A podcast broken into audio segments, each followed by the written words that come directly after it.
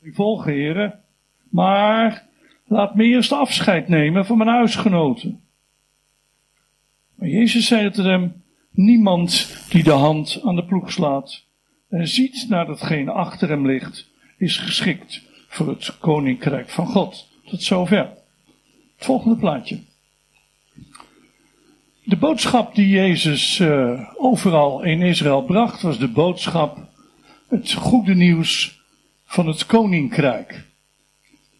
Maar het valt me op, die uitdrukking koninkrijk is een beetje vaag. Wij denken bij een koninkrijk aan een stuk land, het koninkrijk van de Nederlanden. Maar wat is dan het koninkrijk van God? Nou, ik heb het zo onder woorden gebracht. Het koninkrijk van God, dat is Gods regering. Gods koningschap. Dat wil zeggen dat doordat Jezus gekomen is, de heerschappij van God over zonde, ziekte en dood weer is openbaar gekomen. Maar de bedoeling is niet alleen dat dat heel ver weg is. De bedoeling is dat ik dat vandaag in mijn leven in praktijk breng. Want het koninkrijk van God, heb ik wel eens gezegd, is een onderwerp wat van begin van de Bijbel tot het einde elke keer weer terugkomt.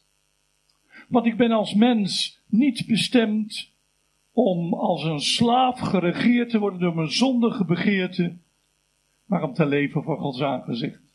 Fantastisch. Eens en voor altijd. Wat me opvalt is dat Jezus zegt dat als je het koninkrijk van God wil beleven, moet je je bekeren. En dat is een beetje een moeilijk woord. Want wij denken bij bekeren, dat is een eenmalige beslissing. En de rest van je leven kan je zeggen, ik ben bekeerd. De nieuwe vertaling gebruikt de uitdrukking tot inkeer komen. Maar in het Grieks staat er een woord metanoia. Dat betekent anders gaan denken. De keuze maken om compleet anders te gaan denken. Dus als je deel wil hebben aan de regering van God, moet niet eerst je gedrag veranderen. Je moet niet eerst anders gaan praten, maar je gedachten moeten veranderen. Je houding moet veranderen. Je mentaliteit moet veranderen, zoals we dat tegenwoordig zeggen. Dus op een of andere manier moet ik een beslissing nemen. Maar daar wil ik het vanmorgen over hebben. Over het nemen van beslissingen. Want het koninkrijk van God staat of valt met het nemen van beslissingen. Vastberaden beslissingen. Onmiddellijke beslissingen. Beslissingen die radicaal en onherroepelijk zijn. Enzovoort, enzovoort. Want zo kan ik genieten van onze hemelse Vader. Volgende plaatje. Daarom zegt Jezus in uh, Marcus 10, wie niet wordt als een kind en niet open staat als een kind voor het koninkrijk van God, zal er voor zeker niet binnengaan. Nou, moeten we dan allemaal kinds worden? Moeten we allemaal dement worden? Is dat dan het toppunt van? Nee, daar heeft Jezus niet over. Want dat is normaal. Niet normaal. Maar de instelling van een kind, ik hou van kinderen. Ik krijg er geen genoeg van om naar kinderen te kijken. En niet alleen onze kleinkinderen, want het zijn tegenwoordig ook alweer bijna volwassen mensen. Maar kinderen, ik hou ervan om naar kinderen te kijken. Het vertrouwen waar ze mee leven. Het geloof wat kinderen hebben. Als kinderen, als je tegen kinderen wat zegt, dan geloven ze dat. Nou, dat zegt Jezus dat dat onze instelling wordt. Maar het waardeloze is hoe ouder we worden, hoe wantrouwender we worden. En dan zegt Jezus, als je het koninkrijk wil binnengaan, moet je niet wantrouwend zijn, maar moet je zijn als een kind. En hoe word je weer als een kind? Want je hebt zoveel negatieve ervaringen. Zeg, ja, praat mij er niet van. Want als je meegemaakt had wat ik had meegemaakt. Maar Jezus zegt, zo kan je niet de regering van God beleven. Dat kan alleen maar als je weer teruggaat naar een pure gezindheid. Van vertrouwen. Van niet ja maar. En als. Allemaal dat soort dingen, die doen er niet toe. Jezus zegt, het gaat er weer om dat je onbevangen wordt. Gewoon, alsof er nog nooit iets negatiefs in je leven gebeurd is. Volgende plaatje. Dan komt er iemand naar Jezus en die zegt: Heer, ik zal u volgen waar u ook heen gaat. Ja, dat klinkt goed. Maar hij weet niet wat hij zegt. Want als je zegt, Heer, ik wil u volgen waar u ook heen gaat, betekent dat dat Jezus jouw herder is. En dat jij als een schaap gaat volgen. En als ik dat zinnetje elke keer wat anders noem, met een andere nadruk, dan begrijp je dat wat beter. Ik wil u volgen, Heer, waar u ook heen gaat. Rijen zei terecht al. Het leven is niet altijd even eenvoudig, maar waar Jezus heen gaat, daar ga ik ook heen. En is dat door goede tijden heen, dan ga ik achter Jezus aan. Maar ook als er moeilijke dingen gebeuren, waar u ook heen gaat.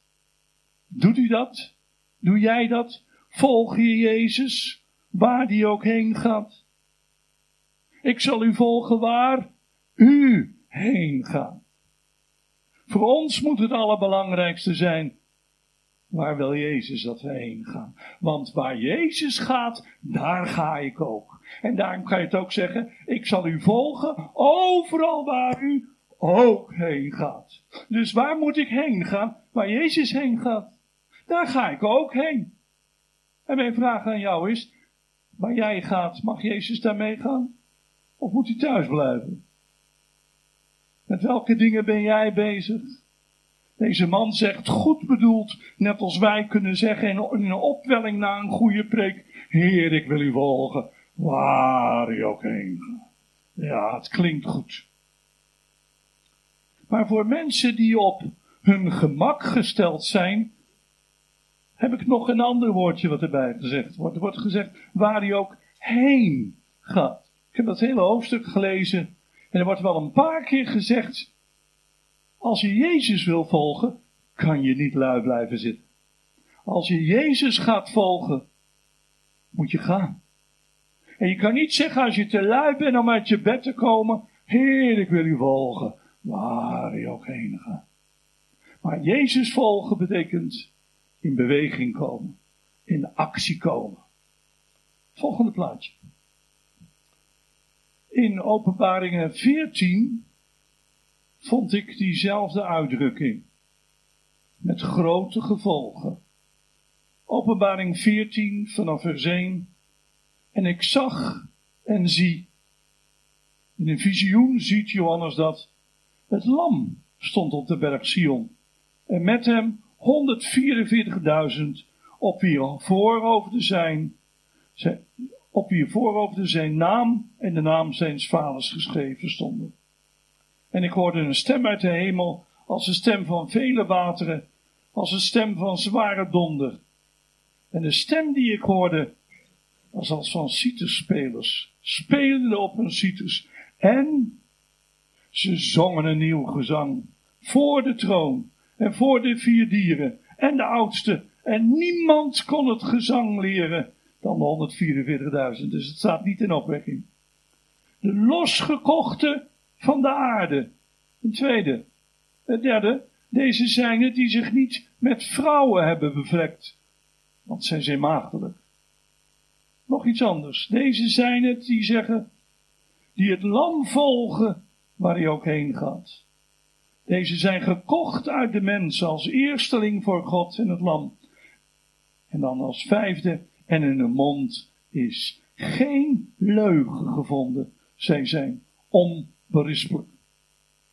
Dus Jezus volgen wil zeggen, losgekocht worden van de aarde. En dat is nou het typische. Ik ben niet voor de hemel bestemd origineel, maar voor de aarde. Waarom moet ik dan nog toch losgekocht van de aarde? Nou, voor veel mensen is de aarde het enige wat ze hebben. En dan geloven ze ook nog dat het dan afgelopen is. Maar openbaringen zegt dat wij losgekocht moeten worden van de aarde. Dat wil zeggen dat de aarde, dat dat niet mijn bezit is. Dat het niet degene is waar al mijn aandacht en mijn, en mijn energie naartoe gaat. Maar terwijl ik helemaal op deze aarde ben, leef ik vanuit inspiratie vanuit de hemel. Ze hebben zich niet met vrouwen bevlekt, dus ze hebben geen hoererij gepleegd met de wereld. En dat is wat veel christenen doen. Veel christenen leven aan de ene kant met hun mond in het koninkrijk van God. Maar als je ze in een dagelijks leven tegenkomt, merk je eigenlijk helemaal geen verschil. De Bijbel zegt dat de bedoeling is dat we maagdelijk zijn. Dat wil zeggen dat God beschikbaar voor ons is en wij beschikbaar voor God. Want hij begeert mijn geest met jaloersheid.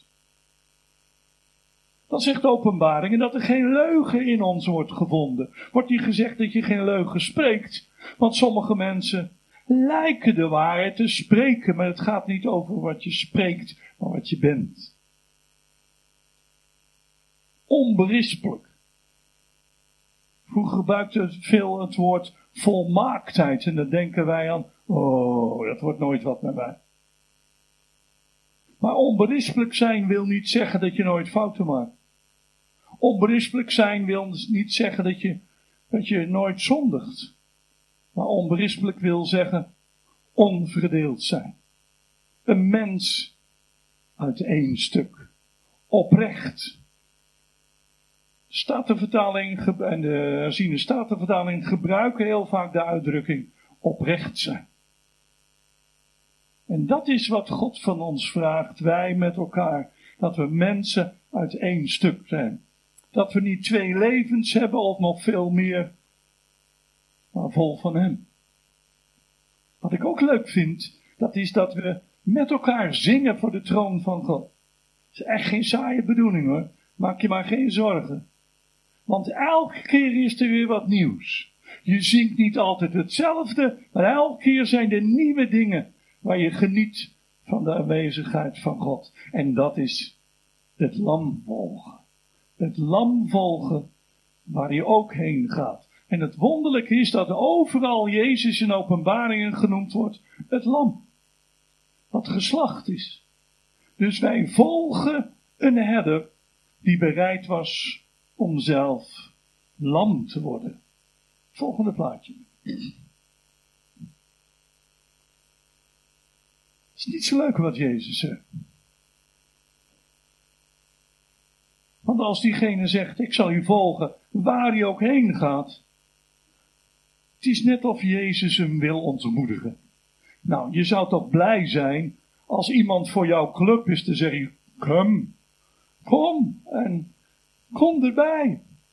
Nee, Jezus doet tegenovergestelde. Hij zegt, als je mij wil volgen, wil je lui op je bed blijven liggen? Het spijt me voor je.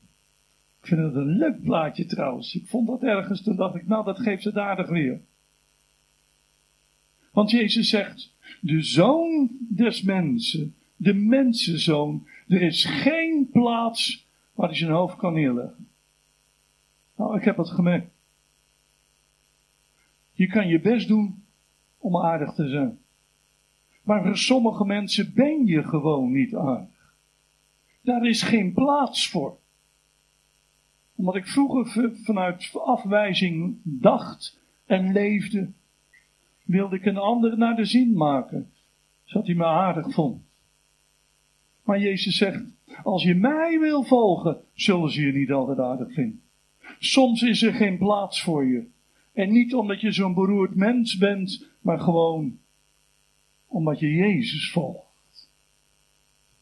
En als er jonge mensen zijn die meekijken, je hoeft niet je best te doen om op school te populeren, populair te zijn. Want wat je ook doet, je bent het gewoon niet als je voor Jezus kiest. En daarom, Jezus waarschuwt ons van tevoren, waar je als mens je vastigheid in vindt, onmogelijk om zo mij te volgen. En wat is het vastigheid van de moderne mens? Zijn bankrekening. Als je bankrekening voldoende heeft, dan voel je je veilig. Maar als dat niet zo is, ik moest er aan denken toen ik met deze preek bezig was, dat ik 43 jaar geleden, dat ik mijn brieven aan het schoolbestuur geschreven heb. Dat ik mijn taak als onderwijzer tegenwoordig noemen we dat leraar, dat ik dat neerlegde omdat ik in dienst zou komen van de gemeente Bethel. Er waren zoveel mensen die zeiden, je bent hartstikke gek. Je hebt zo'n zeker bestaan. Je hebt alles. Pensioen, noem maar op. En wat ga je nou doen? Waar kies je voor? En toch heb ik er nooit spijt van gehad. Want het kiezen voor de Heer is niet altijd een leven van veiligheid en zekerheid. Integendeel, hoewel jullie altijd ook hier in bed al geweldig voor me gezorgd hebben. Maar als we Jezus willen volgen, is het rustige leven over. Mensen zeggen tegen mij, Dick, ga nou eens een keer van je pensioen genieten. Ik zeg, laat ik dat nou net doen. Want ik hou er nog steeds na 5000 keer van om te spreken over het Koninkrijk van God. En ik hou ervan om te studeren. Ik hou ervan om geen oudbakken preken te gebruiken. Om vol te zijn van God. Is dat saai? Volgende plaatje. Dan zegt Jezus tegen een ander, volg mij. Dat is niet een suggestie. Dat is niet, nou, als je zin hebt, dan ga je mij maar volgen hoor. Zo zouden we dat tegenwoordig zeggen. Maar Jezus zegt, volg mij. Als een bevel. Weet je, wij kijken tegenwoordig te veel naar of je bekwaam bent. al aardig wat jaren zijn Thea en ik vaak bezig met allerlei gemeenten te begeleiden. Vanuit een oudere voorganger naar een jongere voorganger. Maar weet je dat bijna niemand meer wil? Omdat ze allemaal naar zichzelf kijken.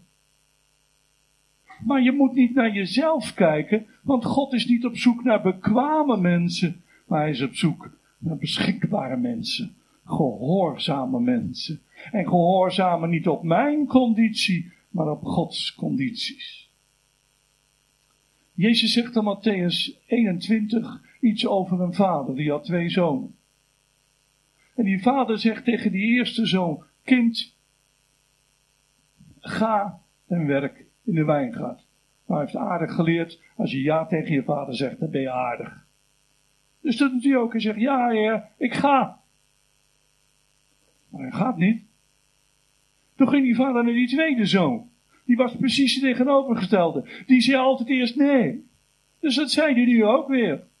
Nee, ik wil niet. Later kreeg hij bureau en ging toch. En dan zegt Jezus zo mooi. Wie van die twee heeft nou de wil van de Vader gedaan? De laatste. Maar hier in Lucas 9 komen een derde type tegen. Dat lijken ongelooflijk aardige mensen, maar die willen eerst doen wat zij graag willen. Sommige van mijn kinderen hadden ook die neiging wel eens. Als je riep om te gaan eten, ja, het komt eraan hoor, maar eerst. Ja, ja, dat herkennen we allemaal wel. Deze man zegt, sta me eerst toe heen te gaan en mijn vader te begraven. Wat een verantwoordelijkheid. Ik denk dat er weinig dingen afschuwelijker zijn dan mensen waar je van houdt, om die te gaan begraven. En dan zegt Jezus, zegt, joh, volg mij. Hij zegt, nee, ik ga eerst mijn vader gedragen. Hij zegt niet nee, hij zegt niet ja en hij zegt niet nee, maar hij vraagt om uitstel.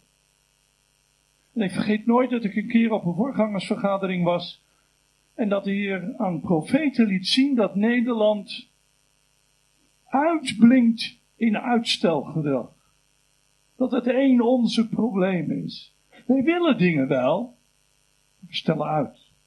Wordt gesproken over allerlei mooie dingen, en we vragen om uitstel. En Jezus is dan niet zo sympathiek dat hij zegt, joh, prima hoor, maakt niet uit. Op jouw moment, als je me wil volgen, oké, dat zouden we tegenwoordig pastoraal gericht zeggen.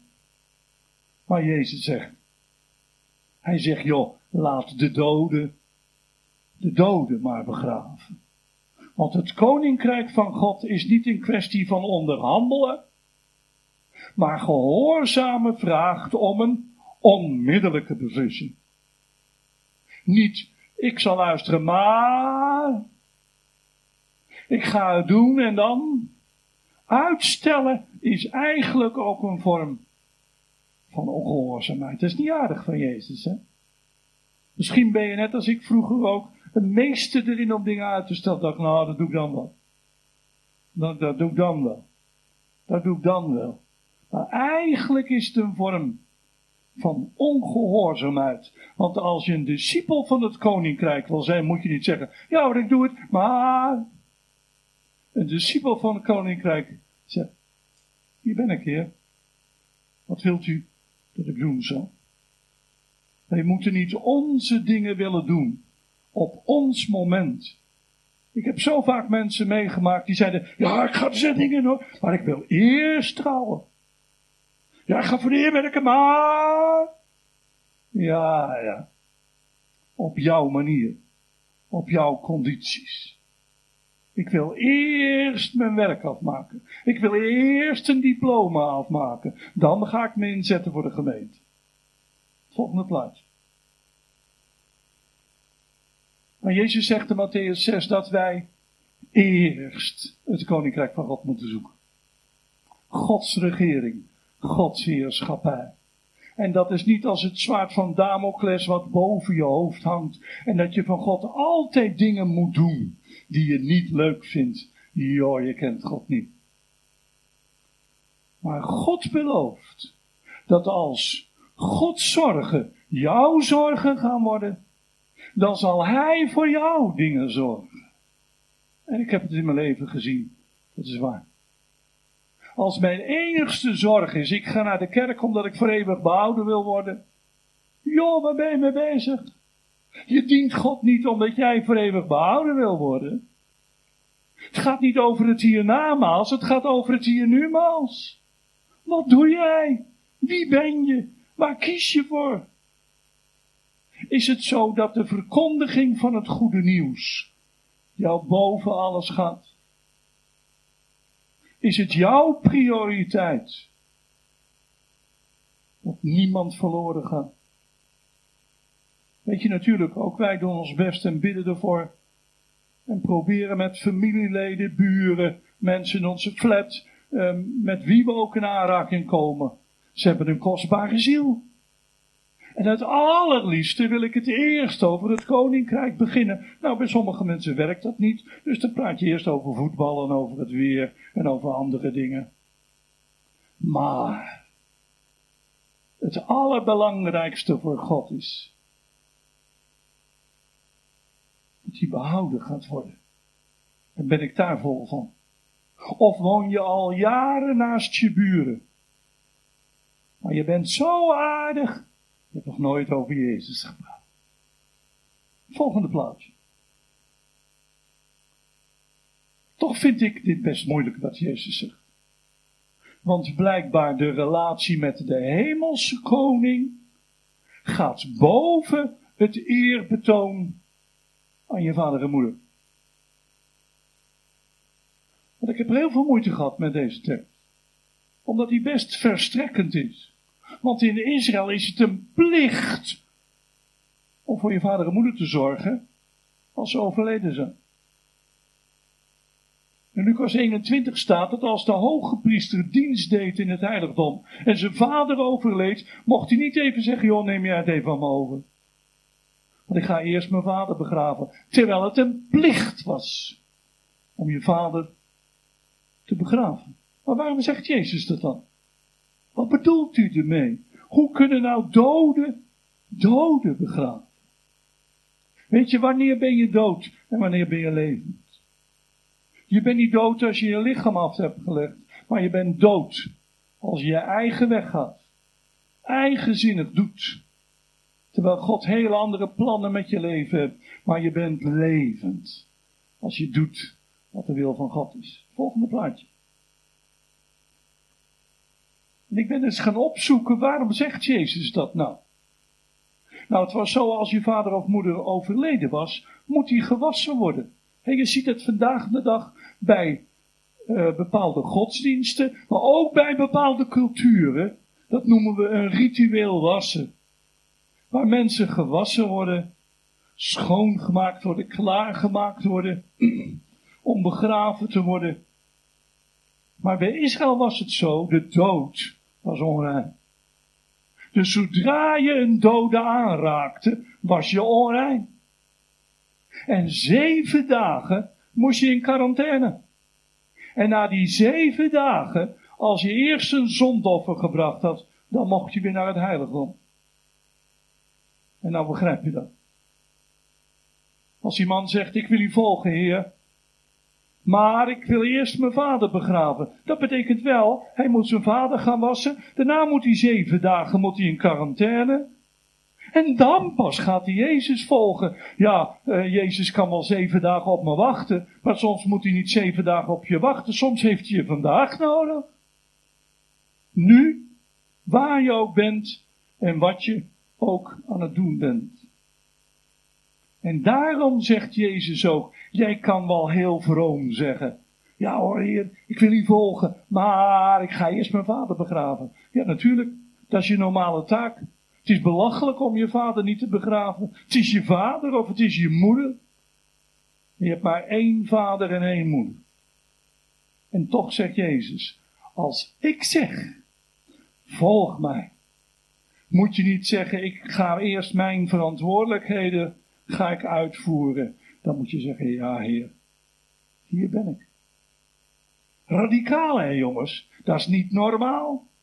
Maar dat is Jezus volgen. Weet je, ik heb er zo'n hekel aan dat ik vandaag en de dag zoveel mensen zie die altijd naar de kerk gaan. Maar waar zie ik het dan? Want als wij als kinderen van God normaal zijn geworden, zijn we niet meer radicaal. Of een ander dat nou vervelend vindt of niet. Volgende plaatje. Jezus wil van morgen ons leren, laat je niet afleiden van het koninkrijk.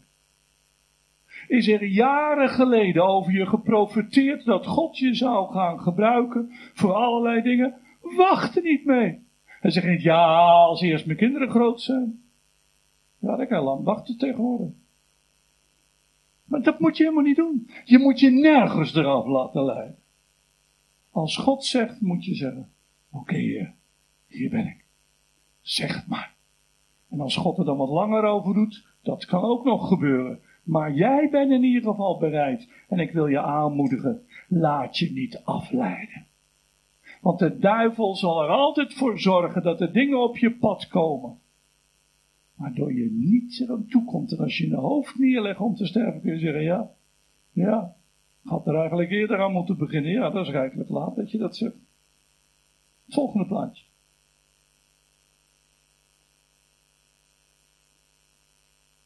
Een derde man die hier genoemd wordt.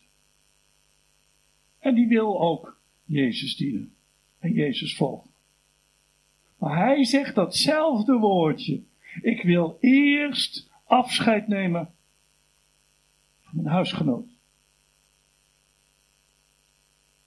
Maar als je zegt, ja maar, dan bedoel je eigenlijk mee, ja eigenlijk wil ik wel mijn koningschap, ik wil mijn troon wel opgeven, maar met moeite. En Jezus vraagt een radicale beslissing. En niet omdat het zo'n God zo'n dictator is, maar je bent nog nooit iemand tegengekomen die radicaal voor Jezus heeft gekozen en radicaal met Jezus leeft en dat hij laten zeggen, oh ik heb zo'n spijt van wat ik gedaan. Maar wel heel veel mensen die normaal wilden zijn. Net als een ander. Maar Jezus weet hoe het in de praktijk werkt. Zeggen eerst en dan moment komt er niet meer hoor. Volgende punt. Ik denk dat familie een van de grootste obstakels is in het koninkrijk van God. Familie is geweldig. Familie betekent zegen. Ik geniet ongelooflijk met Thea. Ons gezin, onze familie steeds meer. Maar als de loyaliteit aan je familie groter is dan je loyaliteit aan God, krijg je botsingen. Valt niet aan te ontkomen. En voor veel mensen is hun familie het obstakel. Wat zal mijn vader er wel van zeggen? Wat zal mijn moeder er wel van zeggen? Wat zal mijn oma er wel van zeggen? Wat zal mijn broer er wel van zeggen? Ja, die zal inderdaad heel veel zeggen. Maar ik moet leren een radicale beslissing te nemen. Jezus zegt, meent gij dat ik gekomen ben om vrede op aarde te brengen? Nee, veel meer verdeeldheid. Op een andere plaats zegt hij, wie vader of moeder lief heeft boven mij, is mij niet waar. Elke band met familieleden, die gaat boven de band met God. Verhindert je om Jezus te volgen. Veel mensen vandaag aan de dag vragen zich eerst af of een familie ermee eens is. Nou, ik had nog steeds niet gedoopt hoor, geworden. Al is het meer dan 50 jaar geleden. Want je kan al wachten. Want als je moet wachten op je vader, je moeder, je broer, je zus, enzovoort, enzovoort. Jongens, dan kan je lang wachten. Maar het Jezus volgen vraagt een radicale beslissing. En of anderen er ermee eens zijn of niet, als jij ervaart dat dat de wil van God is, doe het. Doe het. En God zal voor de ander zorgen. Volgende plaatje. Moest denken aan Abraham. God zegt tegen Abraham, ga uit je land en uit je maatschap en uit je vaders huis en ga naar het land dat ik zal wijzen. Weet je, zijn vader diende de afgoden, zegt Jozua 24. Dus je had een vader die niets de God van Israël diende. En toch zegt God, ga erop uit. Ga. Niet blijven op je bed liggen, maar ga naar het land wat ik je zal wijzen. En dan zegt Genesis 12 zo mooi. En Abram ging. Dat is gehoorzaamheid. En die maakte Abraham tot een groot volk. Wat een geloof en wat een gehoorzaamheid. Volgende plaatje. Een radicale beslissing betekent ook dingen achter je gelaten. Jezus zegt, niemand van ons kan zijn discipel zijn als hij niet afstand doet van alles wat hij heeft. Veel mensen veranderen van kerkgebouw. Maar ze zijn nooit van binnen veranderd. Ze hebben een oude dogma's meegenomen. Ze hebben een oude onhebbelijkheden meegenomen. Jongens, maar dat is de bedoeling van God. De bedoeling van God is niet dat we van gebouw veranderen, want het maakt niet zoveel uit in welk gebouw je zit. Maar het gaat erom, wat is er in hart? En Jezus zegt, je kunt dus geen discipel van mij zijn als je niet afstand doet van alles wat je hebt. Ja, maar ik ben het er niet mee eens. Prima. Maar als je Jezus wil volgen, is niet belangrijk waar jij niet mee eens bent. Of de dingen waar jij niet van houdt. Ja, dat snap ik wel. God zegt wel eens irritante dingen. Zo komt het op ons over. Maar je kunt beter de irritante dingen van God doen. Dan de dingen waar jij van denkt dat dat evangelie is. Wij zijn het zout van de wereld. En als we Jezus volgen, dan komen we niet de Heer dienen op onze voorwaarden, maar dan zeggen we, Heer, hier ben Alles achterlaten. Wat het ook voor gevolg heeft. Zo anders. Volgende plaats. Wat ook belangrijk is, dat Jezus volgen is een onherroepelijke beslissing. Het is eens en voor altijd. De vrouw van Lot keek achterom. Waarom keek ze naar achterom? Haar hart lag daar. Ze ging mee omdat ze bang was dat er verschrikkelijke dingen gebeurden. Maar anders had ze liever in Sodom blijven wonen. Daar lag haar hart. Maar als wij Jezus gaan volgen, is het een onherroepelijke beslissing. Eens en voor altijd. Blijf je Jezus volgen als het moeilijk in je leven is? Ja. Met volharding en met geloof. Want geloof is niet op het verleden gericht, geloof is op de toekomst gericht. Ik heb geen makkelijk leven achter de rug. Maar dat wil niet zeggen dat ik spijt ervan heb dat ik voor dit leven gekozen heb. Want God belooft dat het de heerlijkheid die geopenbaard zal worden, niet opweegt tegen alles wat je meegemaakt. Die heerlijkheid is zoveel groot. Heb je heel veel lijden meegemaakt, heel veel moeilijke dingen in je leven meegemaakt. Maak je geen zorgen hoor. Heb er geen spijt van. Want de heerlijkheid van God is zoveel groot. Volgende plaats. Weet je, en daarom is het belangrijk, als ik Jezus wil volgen, moet ik mijn negatieve ervaring achterlaten. Persoonlijk en ook als kerk. Weet je, al persoonlijk moet je leren om niet blijven stil te staan wat je meegemaakt hebt. Natuurlijk, ik heb ook mijn levenservaring. Maar als mijn levenservaring alleen bestaat uit de negatieve dingen die ik heb meegemaakt, nou dan staat hier een bittere man hoor. Mensen waren niet altijd het alleraardigst. Maar daar gaat het helemaal niet over. Als je Jezus wil volgen, kijk je niet achterom, maar kijk je vooruit. Want Jezus loopt niet daar, hij loopt daar. Jezus moet jou niet volgen, jij gaat Jezus volgen. Maar veel mensen blijven hangen in een teleurstelling. Voor veel mensen zijn de negatieve ervaringen hun kompas. En zeggen, als je meegemaakt hebt wat ik had meegemaakt. Nou, tegenwoordig kan ik daar aardig van meepraten. Maar weet je, Jezus zegt dat het nodig is dat we dingen achter ons laten. Dan wil ik ook als kerk zeggen. Die bestaan al erg lang. Hebben drie voorgangers gehad. Ik denk dat ik de enige ben die op een normale manier is weggegaan. Moet je er altijd over blijven praten? Nee, natuurlijk niet. Want dan blijf je in het verleden hangen. Want het gaat er niet om wat er in het verleden gebeurt. Het gaat erom wat God vandaag wil. Krijgt God de kans? Of gaan we elke keer zeggen, ja, maar toen was het ook niet alles. Maar toen, toen. Niet doen, jongens.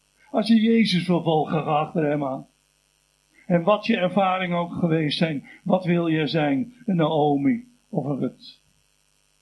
Naomi werd bitter en Rut werd beter. Dat ben ik echt.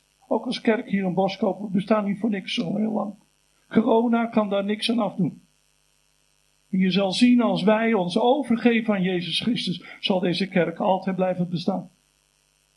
Want er is een opdracht. Er is een visie. Wij zijn nodig in deze streek. Er zijn vele kerken, maar samen met andere kerken hebben wij de opdracht het evangelie van Gods koningschap te verkondigen. En daar zullen we nooit mee stoppen. Wat er ook gebeurd is.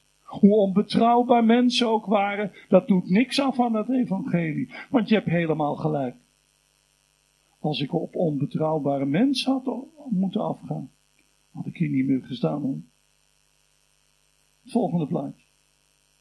Jezus volgen is een eeuwige beslissing. Het heeft eeuwige gevolgen. Waarom moet het leven door je vingers glippen? Maar je later spijt van hebt. Doe het niet. Het is een eeuwige beslissing. Daarom Jezus maakt het volgen van hem echt niet goedkoop. En ik doe dat vanmorgen ook niet. Ik zeg Jezus volgen geweldig. Niet makkelijk altijd. Maar het is veruit het beste. Volgende plaatje. En dan komen we eigenlijk op het allermoeilijkste punt. Dat is ook een kostbare beslissing. Weet je, wat is nou het allermoeilijkste om achter je te laten? Je geld, ja, voor sommige mensen is dat een groot probleem. Je familie, voor sommige mensen een groot probleem. Je carrière, voor sommige mensen een probleem. Je ambities, voor sommige mensen een probleem. Maar weet je wat het allergrootste probleem is? Ben jezelf. Want ik moet niet alleen afstand doen. Familie, geld, ambities, noem maar op. Ik moet mezelf verlogen. Sommige mensen nemen zichzelf zo ongelooflijk serieus. Dan denk ik, maar die heeft zichzelf nog nooit verlogen. Want als je niet snapt wat het betekent dat je Jezus volgt boven alles uit. En dat je gaat waar hij wil dat je gaat. Jongens, wij willen ons bezighouden met de interesses van de koning. Wat het ook kost. En ik zeg je van tevoren, het kost heel veel. Misschien ben je hier in de kerk geboren bijna. Of in ieder geval opgedragen. En zit je hele leven in deze kerk. Maar het allermoeilijkste is om jezelf op te geven. En te zeggen, hier ben ik hier. Ik wil gaan waar u gaat. Tot slot, volgende plaatje. Wil jij Jezus volgen? Verlang jij ernaar om radicaal Jezus te volgen? Niet normaal, maar radicaal. Wil jij Jezus volgen? In Matthäus 11 staat er zo'n geweldige tekst al in, die wordt altijd negatief uitgelegd. Dat de geweldigen die grijpen naar het koninkrijk. De mensen die dat vertaald hebben, die denken negatief. Want het koninkrijk van God is niet dat er allemaal naar gegrepen wordt, maar wie grijpen naar het koninkrijk? Professor Ridderbos zegt terecht, hij zegt dat is een tekst die Jezus positief gebruikt. En ik zie tegenwoordig ook steeds meer vertalingen, gelukkig, die dat positief vertalen. Wie volgen Jezus? De moedige, de sterke, de enthousiaste. De mensen die zich niet laten tegenhouden door allerlei dingen. Ze grijpen naar het koninkrijk. Ze verlangen ernaar dat het koninkrijk in hun leven, dat het werkelijk een realiteit is. Daarom mijn vraag aan jou vanmorgen. Wil je Jezus volgen? Niet dat je naar de hemel wil, dan snap ik ook wel dat je daarheen wil. Zover ben je ook nog helemaal niet. Maar wil je Jezus volgen? Wat het ook kost. En soms kost het heel veel. Maar ik durf werkelijk op mijn 72-jarige leeftijd te zeggen. Ik heb er geen spijt van. Het heeft me veel gekost. Het heeft het leven van mijn vrouw gekost. Ik ben zelf dood geweest. En de afgelopen kerst, ik weet niet of ik het de vorige keer verteld heb. Het was me goed dat ik die ICD had. Want opeens lag ik daar op de vloer. En mijn leven hing aan een zijden draadje en opnieuw was het. Wat wil ik? dan zegt een ander, joh, je doet toch wel rustig aan? Ik zeg, joh, ik doe zo rustig aan. Maar ik ga wel achter Jezus aan. Want de bedoeling is niet dat ik in een gouden koets naar de hemel ga. Maar als God wil dat ik in zijn dienst sta, ik wil hem volgen. Jij ook? Zullen we met elkaar bidden?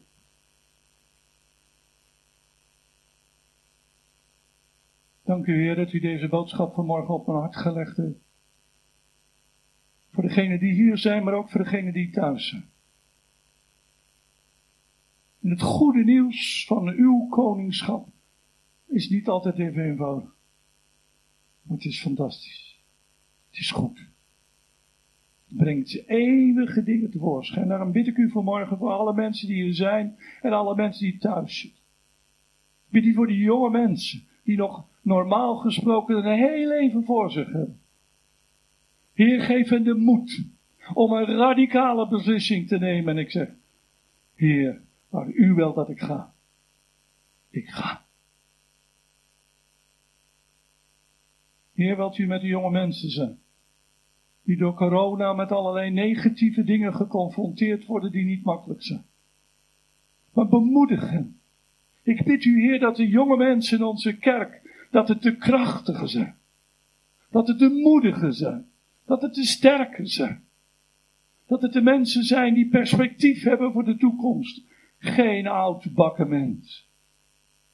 Heer, leg uw hand op de jonge mensen, bescherm hen bewaren.